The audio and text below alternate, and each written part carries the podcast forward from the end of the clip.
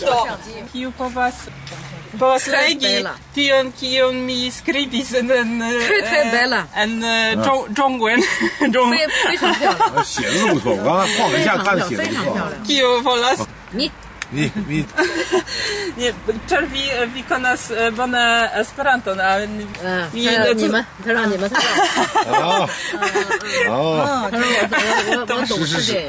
啊！声调全标出来了，你看。对呀，时时史事嘛，你看对咬舌卷舌的都是是啊，是老十老写多好十哦，你就是那个字还写的不错呢。 Varsovia Vento elsendoj kun eh, alia redaktorino antaŭ mia mikrofono Saluton, carai. Mi estas redaktorino de Eopopola Cinio. Mi nomiĝas Bella Cinio. Kiel fartas tiu fama iam revuego, colora, presentanta cinan culturon? Gi bone fartas nun, kai anco evoluas lau la moderna moderneso, char ni havas iunai redaktoroi anco exterlandai, tio anco andoe ne estas. Exemple, Ivanka el Bulgario usui eo Japanio kaj ankaŭ Rafael eo Brazilo. Ili bone, trete bone uh, laboras kaj eh, uh, alportas al ni pli viglan kaj alilanda etoso al nia redakcio. Pri kio skribas nuntempe el popolaĉinio? Kion prezentas al la legantoj? Anko daŭras nia tradicia papera gazeto. Eh, ni prezentas anko Ĉinio uh, aŭ la mondo je en la campo de historio politico anco eble multai legando ne tiel interesigas pri politico sed ni faras tio. Tio estas grava afero por ni. Kulturo. Cina kulturo tion multe interesas multai legandoj. Anco historio riĉa historio de Ĉinio. La plej grava afero por ni estas Esperantujo. Ni havas eh, granda pli larĝa rubriko pri Esperantujo. Nia verda Esperantujo. Estas eh, miliardoj da ĉinoj en la mondo. Eh, ne nur en Ĉinio, ankaŭ ĉirkaŭ la tuta mondo ĉinoj estas. Kial ĝuste vi eklernis Esperanton? Mi antaŭe mi lernis la franca lingvo. Do La lernejo dissentis al mi al la redakcio de Eŭropa-Latinio, de kiam mi eklernis Esperanto devige. Sed post kiam mi partoprenis al la UKO en Finlando, mi rimarkis ke ania Esperantujo estas tiel multaj junuloj. Do tio multe interesas min, kaj mi havas granda intereso pri nia lingvo tiel vaste uzada. De tiam mi decidis min dedici a nia verda afero, granda afero de la mondo. Kion vi ŝatus diri al la esperantistoj en la tuta mondo nun? Mi volas propagandi aŭ disvastigi Esperanto. Tio estas la celo, mia celo. Yes. Ĉar mi amas Esperanto. Yes, estas vere granda afero por ni ĉiuj la lingvo kun granda ideo. Yes. Saluto miai kolegoj en Pekino. Mi estas en Varsovio kun granda homo. Ni parolas pri Esperanto. Kaj saluto miai kolegoj en Ĉinio. Saluton al ĉiuj samideanoj en la tuta mondo. Mi amas vin. 诗时史史，时事事诗，你看这个是真是卷舌的了，卷舌的了。时是时诗是是，你看我都绕口令了。Ĉu tio estas frazo, ĉu ne? Je, Ne tio, estas tio havas signifon.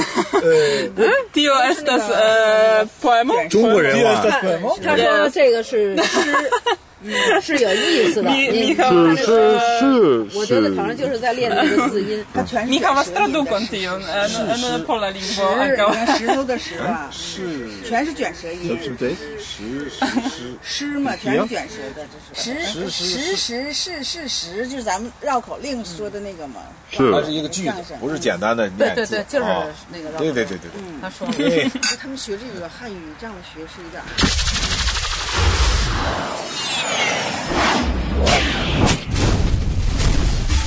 Bla bla bla. Bla bla bla bla. Bla bla bla. Bla bla bla. Varsovia vento.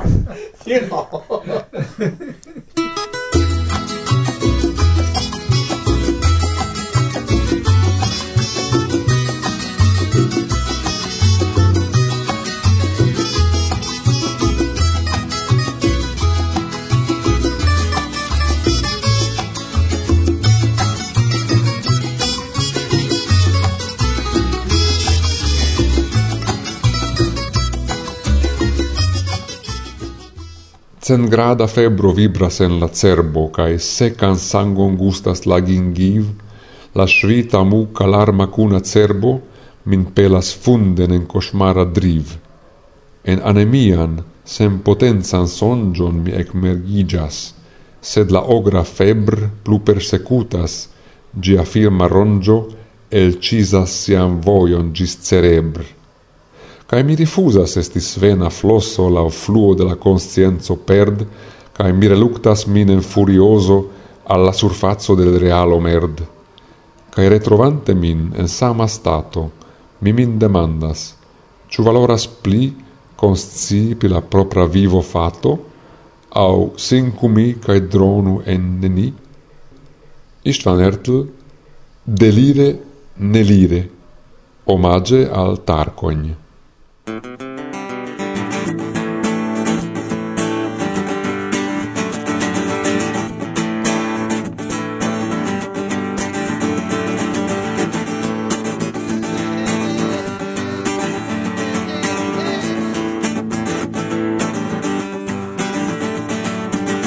Ciambro in grande urbo, rifugio te perturbo, logico sta strora mono, farbo falas de plafono Oh yes. Riproĉado kaj admonoj dronas en la urbaj sonoj nun Sidas mi kun penso nula kai vi venas verdo cula. Nun tutto falas kaj mi pensas ke vivo dura sed vi molas. Mono mancas nin mon me ne kaj mi preta se vi volas. Yes.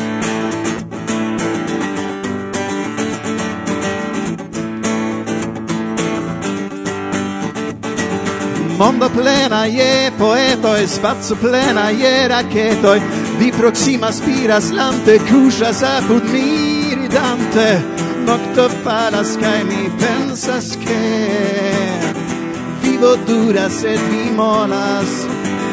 Mono mancas vinceramot ne Cae mi pretas se vi volas.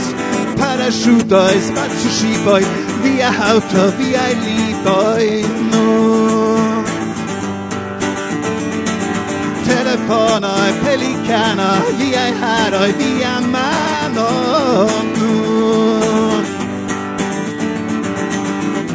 Nocto falas kai mi pensas che Vivo dura sed vi molas. Mono mancas nin sed amo ne. Kai mi pretas se vi volas. Nocto falas kai mi pensas che vivo dura se ti moras. Mono mancas min sed amot ne. Kai mi pretas se vi volas. Nocto falas kai mi pensas che Vivo cura sed mi folas Mono mancas min sed amot ne. Mi pretas se vi volas.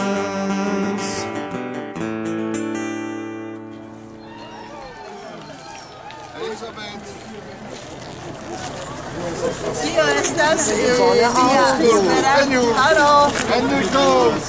Henriko! Homoj, Alinka. Homoj kaj problemoj, alveno. Alinka obstinka, venu. Saluton, kiu vi estas? Mi estas Elizabeta. Kaj kion vi faras en Szczecin? Mi loĝas en Szczecin. Bonege, do mi ne havas longan revenvojon. Mi partoprenas eh, Esperantan Szczecinan printempon. Kiaj estas viaj impresoj pri tiu ĉi aranĝo? No, mi pensas ke ĉi tie estas bone, agrable, gaje kaj tiel plu. Saluton, mi estas Halina. Kaj kion vi faras ĉi tie? E, Mi nun partoprenis e, la Esperanton printempon en Szczecino jam duan fojon, kaj mi rekomendas la aranĝon, kaj mi certe venos venontjare. Kion vi plej ŝatis dum tiu ĉi aranĝo? Ĉiuj koncertoj kaj ankaŭ organizitaj ekskursoj mi ŝatis ĉion, kaj mi ŝatis esti kun geamikoj, ĉar etoso estis tre bona. Mi salutas ĉiujn miaj konatuloj en Esperanta mondo. De Halina el Gostyn. Kaj aero estas vere vere eh, verda. Eh, lago estas circavita per altaj et gis dudek metroj eh, abruptaĵoj kovritaj per ab, eh, arboj ĉefe eh, fagoj kaj kverkoj. Bone, antaŭ ol mi komencos montri al vi la bildojn, kelkaj vortoj, kiun la mia opinio necesas diri.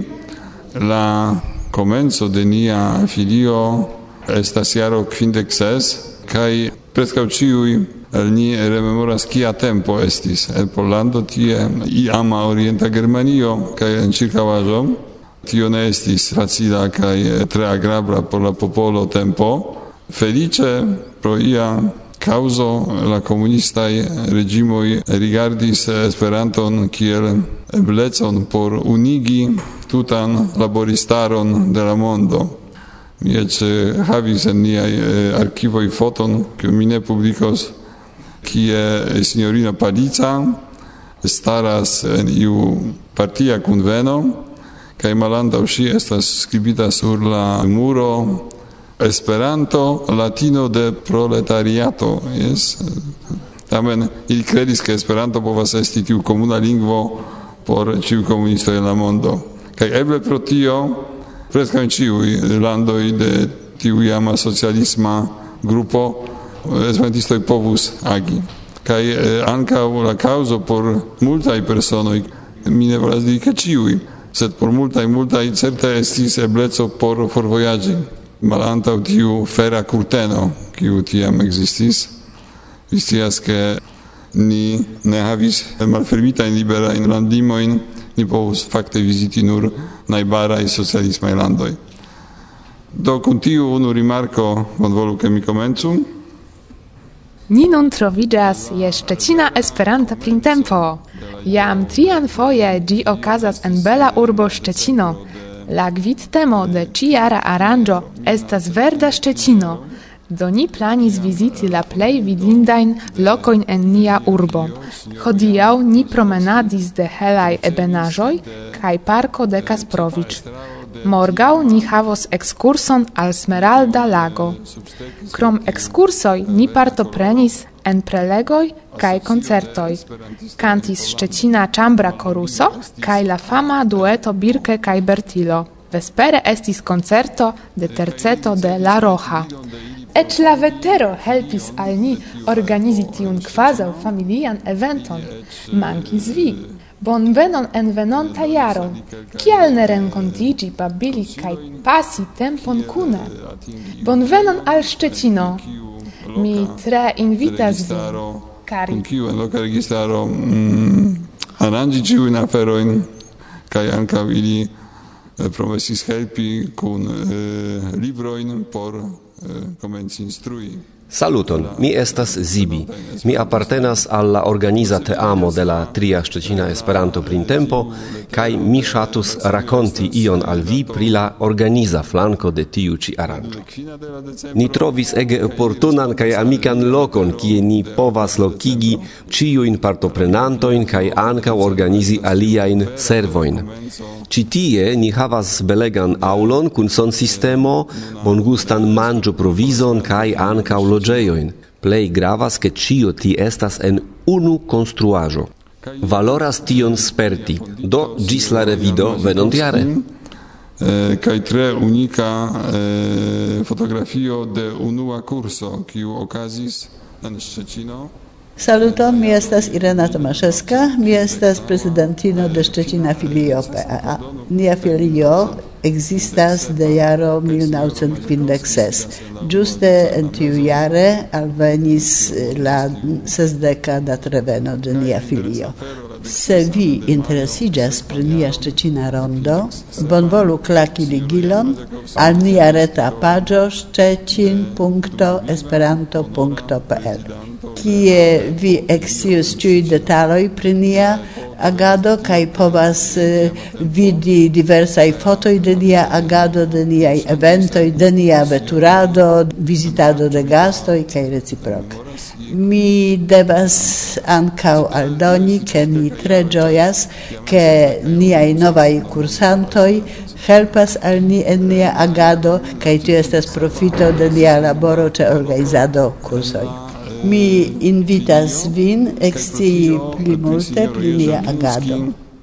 Unu el plej famaj szczecinaj eh, esperantistoj oni diras ke estis unua prezidanto ĉar eh, sinjoro Maciakowski, kiel fondinto estis eh, ni diru gvidanto de tiu filio kaj post unu jaro okazis unua baloto kaj sinjoro Oginski estis elektita kiel prezidanto sur unu foto li estas antaŭ la tiama dum tempa ni diru sidejo de la filio kaj poste vidas ke li mem pluis sur la muroj afiŝojn pri la Esperanto-kurso.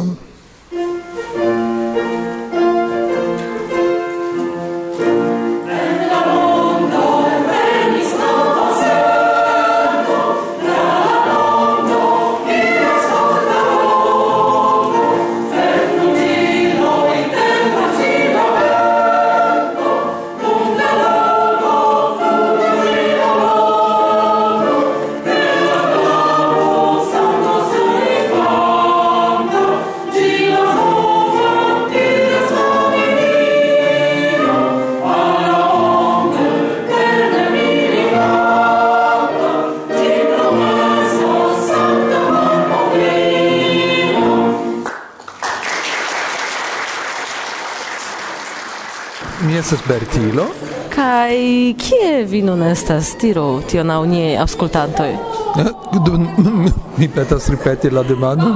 Kie ni nun estas? Eh, ĉu vi povas diri? Ni nun estas en Szczecino kie estas grava Esperanto aranĝo, ki non invitis min kaj mian edzino por muziki. Kaj Ĉu vi ĝuis tiun aranĝon? Mi tre ĝuis, efektive estas tre simpatia homoj, tre bone organizita, kaj ni estas tre kontenta pri nia eta kontribuo per muziko. Ne tio meta, no cara. Tut vespera concerto fresco. Nu, yes, povas esti. Ni giuis gin, cae shani ancao la publico apresis. Malgrau che ti canta estes foie vere trista e mi pensas che homo ege giuis. Yes, ni quelc foie havas tiun problemo che ni emas, Shati ŝati canto kantojn kiu hazard temas pri afero kiel morto kai malfelicia amo. Esas ia spezza skandinava sveda tradizio, minora e canto e pri trista afero kai majora e canto pri gaia afero esas eble amusa, sed ne same belaj. Ni provas iom mete aldoni mixajon, de iom alispezza, sed estas malfacile kia estas viaj planoj dum la somera periodo, ekzemple? Mm, ni ne havas tre konkretan planon. Venis iu invito por UKO ĉijare en Nitro, sed uh, ni ancora ne respondis al ĝi, kaj ni eĉ ne sias ci ni povos iri postio nenio concreta estas. Certe, ni ludos en diversaj aranĝoj. Ĉu vi volus saluti plej ŝatataj amikoj aŭ malamikoj? Estas du kiu eble aŭskultas, kies nomon mi ne diras, kaj el kiu mi aparte varme salutas, ke vi scias kiu vi estas. Amon kaj bondezirojn. Mi pensas ke la mondo bezonas iom pli da amo kaj paco. Eble ne unika mesaĝo, sed ĉiam indas ripeti ĝin. das mir vor, ein unrechtsteht Blut.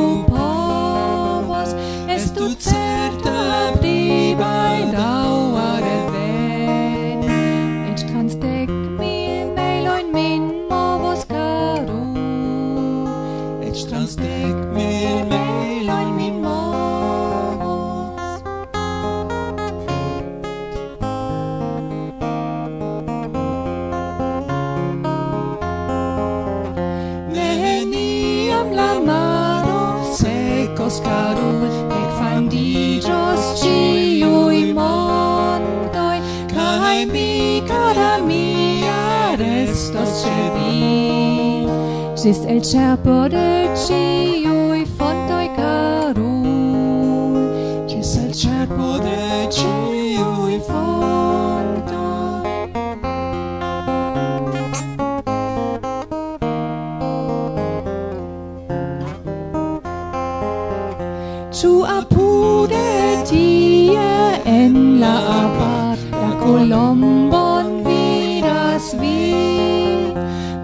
tenis ci pri sia cora a mi, pri.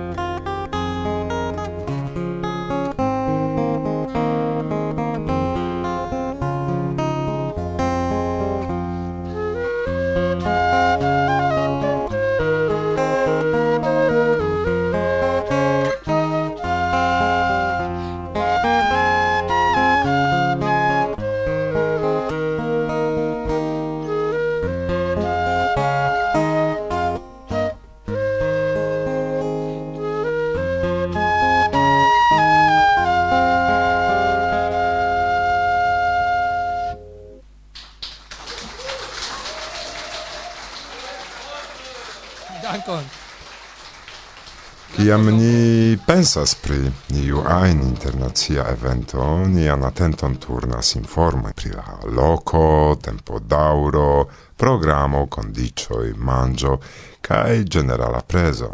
Ankaŭ gravas laŭ mi la alvenebloj, ĉar ne ĉiun lokon fakte estas facile atingi.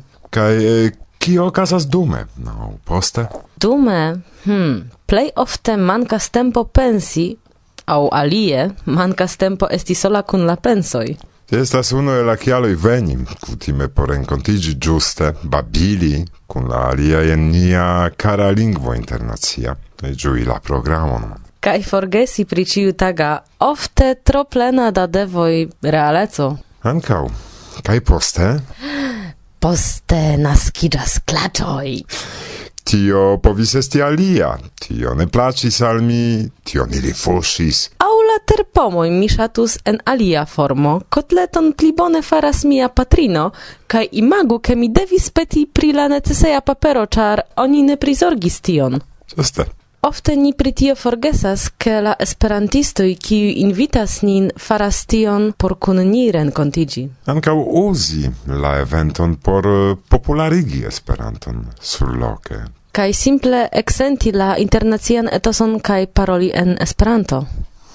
Tiun eventon ĝuste kune ni partoprenis laste. Jes, la trian Szczecinan Esperanto printempon kiun eh, ne profesiaj laboristoj de turisma oficejo organizis, sed la loka teamo por prezenti sin sian urbon, belan urbon mi aldonu, kaj historion de sia esperantista agado. Pri kotletoj do mi povas opinii nur bongustaj, same kiel aliaj manĝoj. Elana Ceseja papero ne mankis. Jest kai se io al iu ne placis, risku iam inviti al via urbo pli ol kvindek esperantistoj kaj klopodu, ke dum kelkaj tagoj ili estu kontentaj. Ne facilas. Tute ne. Do multe ni povus paroli pri tio, pri la nevidebla ofte sindedicio de la organizantoj pri ilia laboro. Kaj amikeco. Tion cion ni renkontis en Szczecino. Kaj jes ni pagis pro la aranĝo, do ŝajne rajtas ni plendi, ĉu? Tial eble plendu ni kune. Dankon! pro via invito. Kai pro via laboro. Kai pro tio che pos la reveno heimen. Bone ni rememoras la rencontigion. Fino punto. Yes. Agnieszka Rudzia. Kai. Irek. Bla, bla, bla.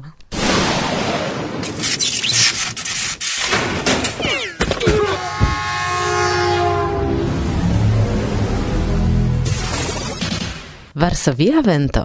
Bla bla bla. Saluton, mia nomo estas David kaj mi venas el Lepsiko, Orienta Germanio kaj ankaŭ estas nun ĉi tie en Ŝtecino.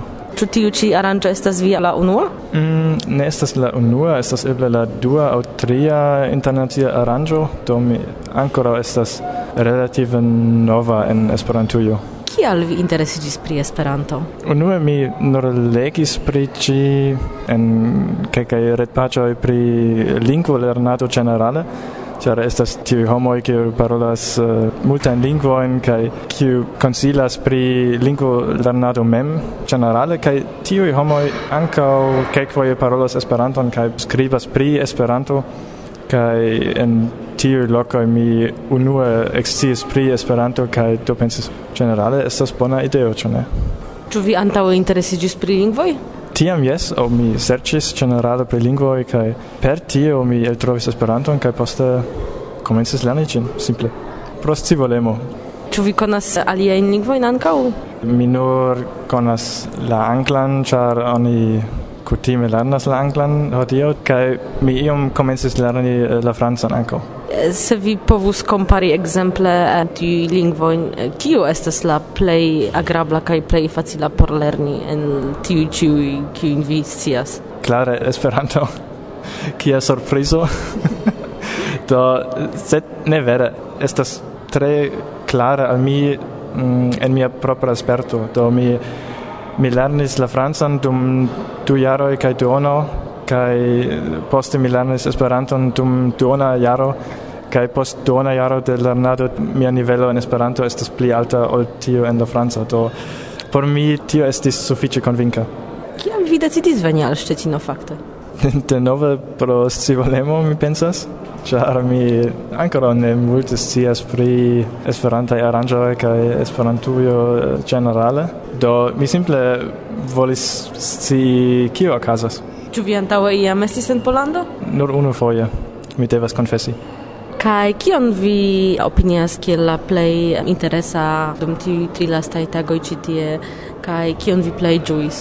Fakte la paroladon kun la homoj el diversaj landoj, simple la kontakto kun aliaj pensmanieroj, aliaj kulturoj. Ĉu estas multaj esperantistoj en via urbo? Kelkaj. Okay, okay mi diru. Do... Kaj ĉu vi renkontiĝas kun ili? Yes, oni eh, uh, renkontiĝas unu foje monate, pli malpli. Sed ne estas tradicia um, kluba strukturo, io estas pli libera aŭ malferma generale. Kion vi volus diri? Hm, mi ne scias. Mi ne, mi ne tiel ŝatas tiu tradiciaj radiaj salutoj, do mi salutas ĉiujn auscultanto in de Varsovia vento minas minas cias. Kaj ĝis la revido do Mioko Uko kaj alia aranĝoj, ĉu ne? A to pano jes, tiam mi povas diri. Do, mi salutas vin ĉiujn kaj esperas do baldaŭan revidon uh, ĉe Ioko. Inter la oscedoj kaj fojfojaĝe La ulo en la train parolas kun si mem Mi veturas apud li kun mia forta e Kai mi volas Yes mi volas pro la manto kai plenu mi attendas vin C'è la lù c'è la acqua che la musica. Mi revenas lante alla viva flu. Ciam mi biciclas tra la strata brun. Cun malpesa coro alla rendezvous Cai mi volas, yes mi volas Pro la manco cai plenu. Mi attendas in Ce la multcolora lun, ce la acqua che la musica scias che nur estas unuopa foi.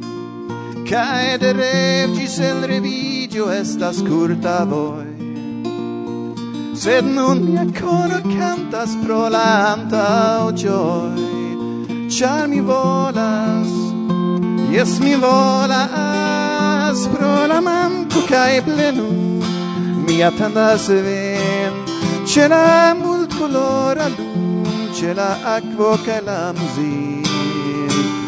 פרולמם la בלנו מיד הנזם la כולו che la כלמזיר.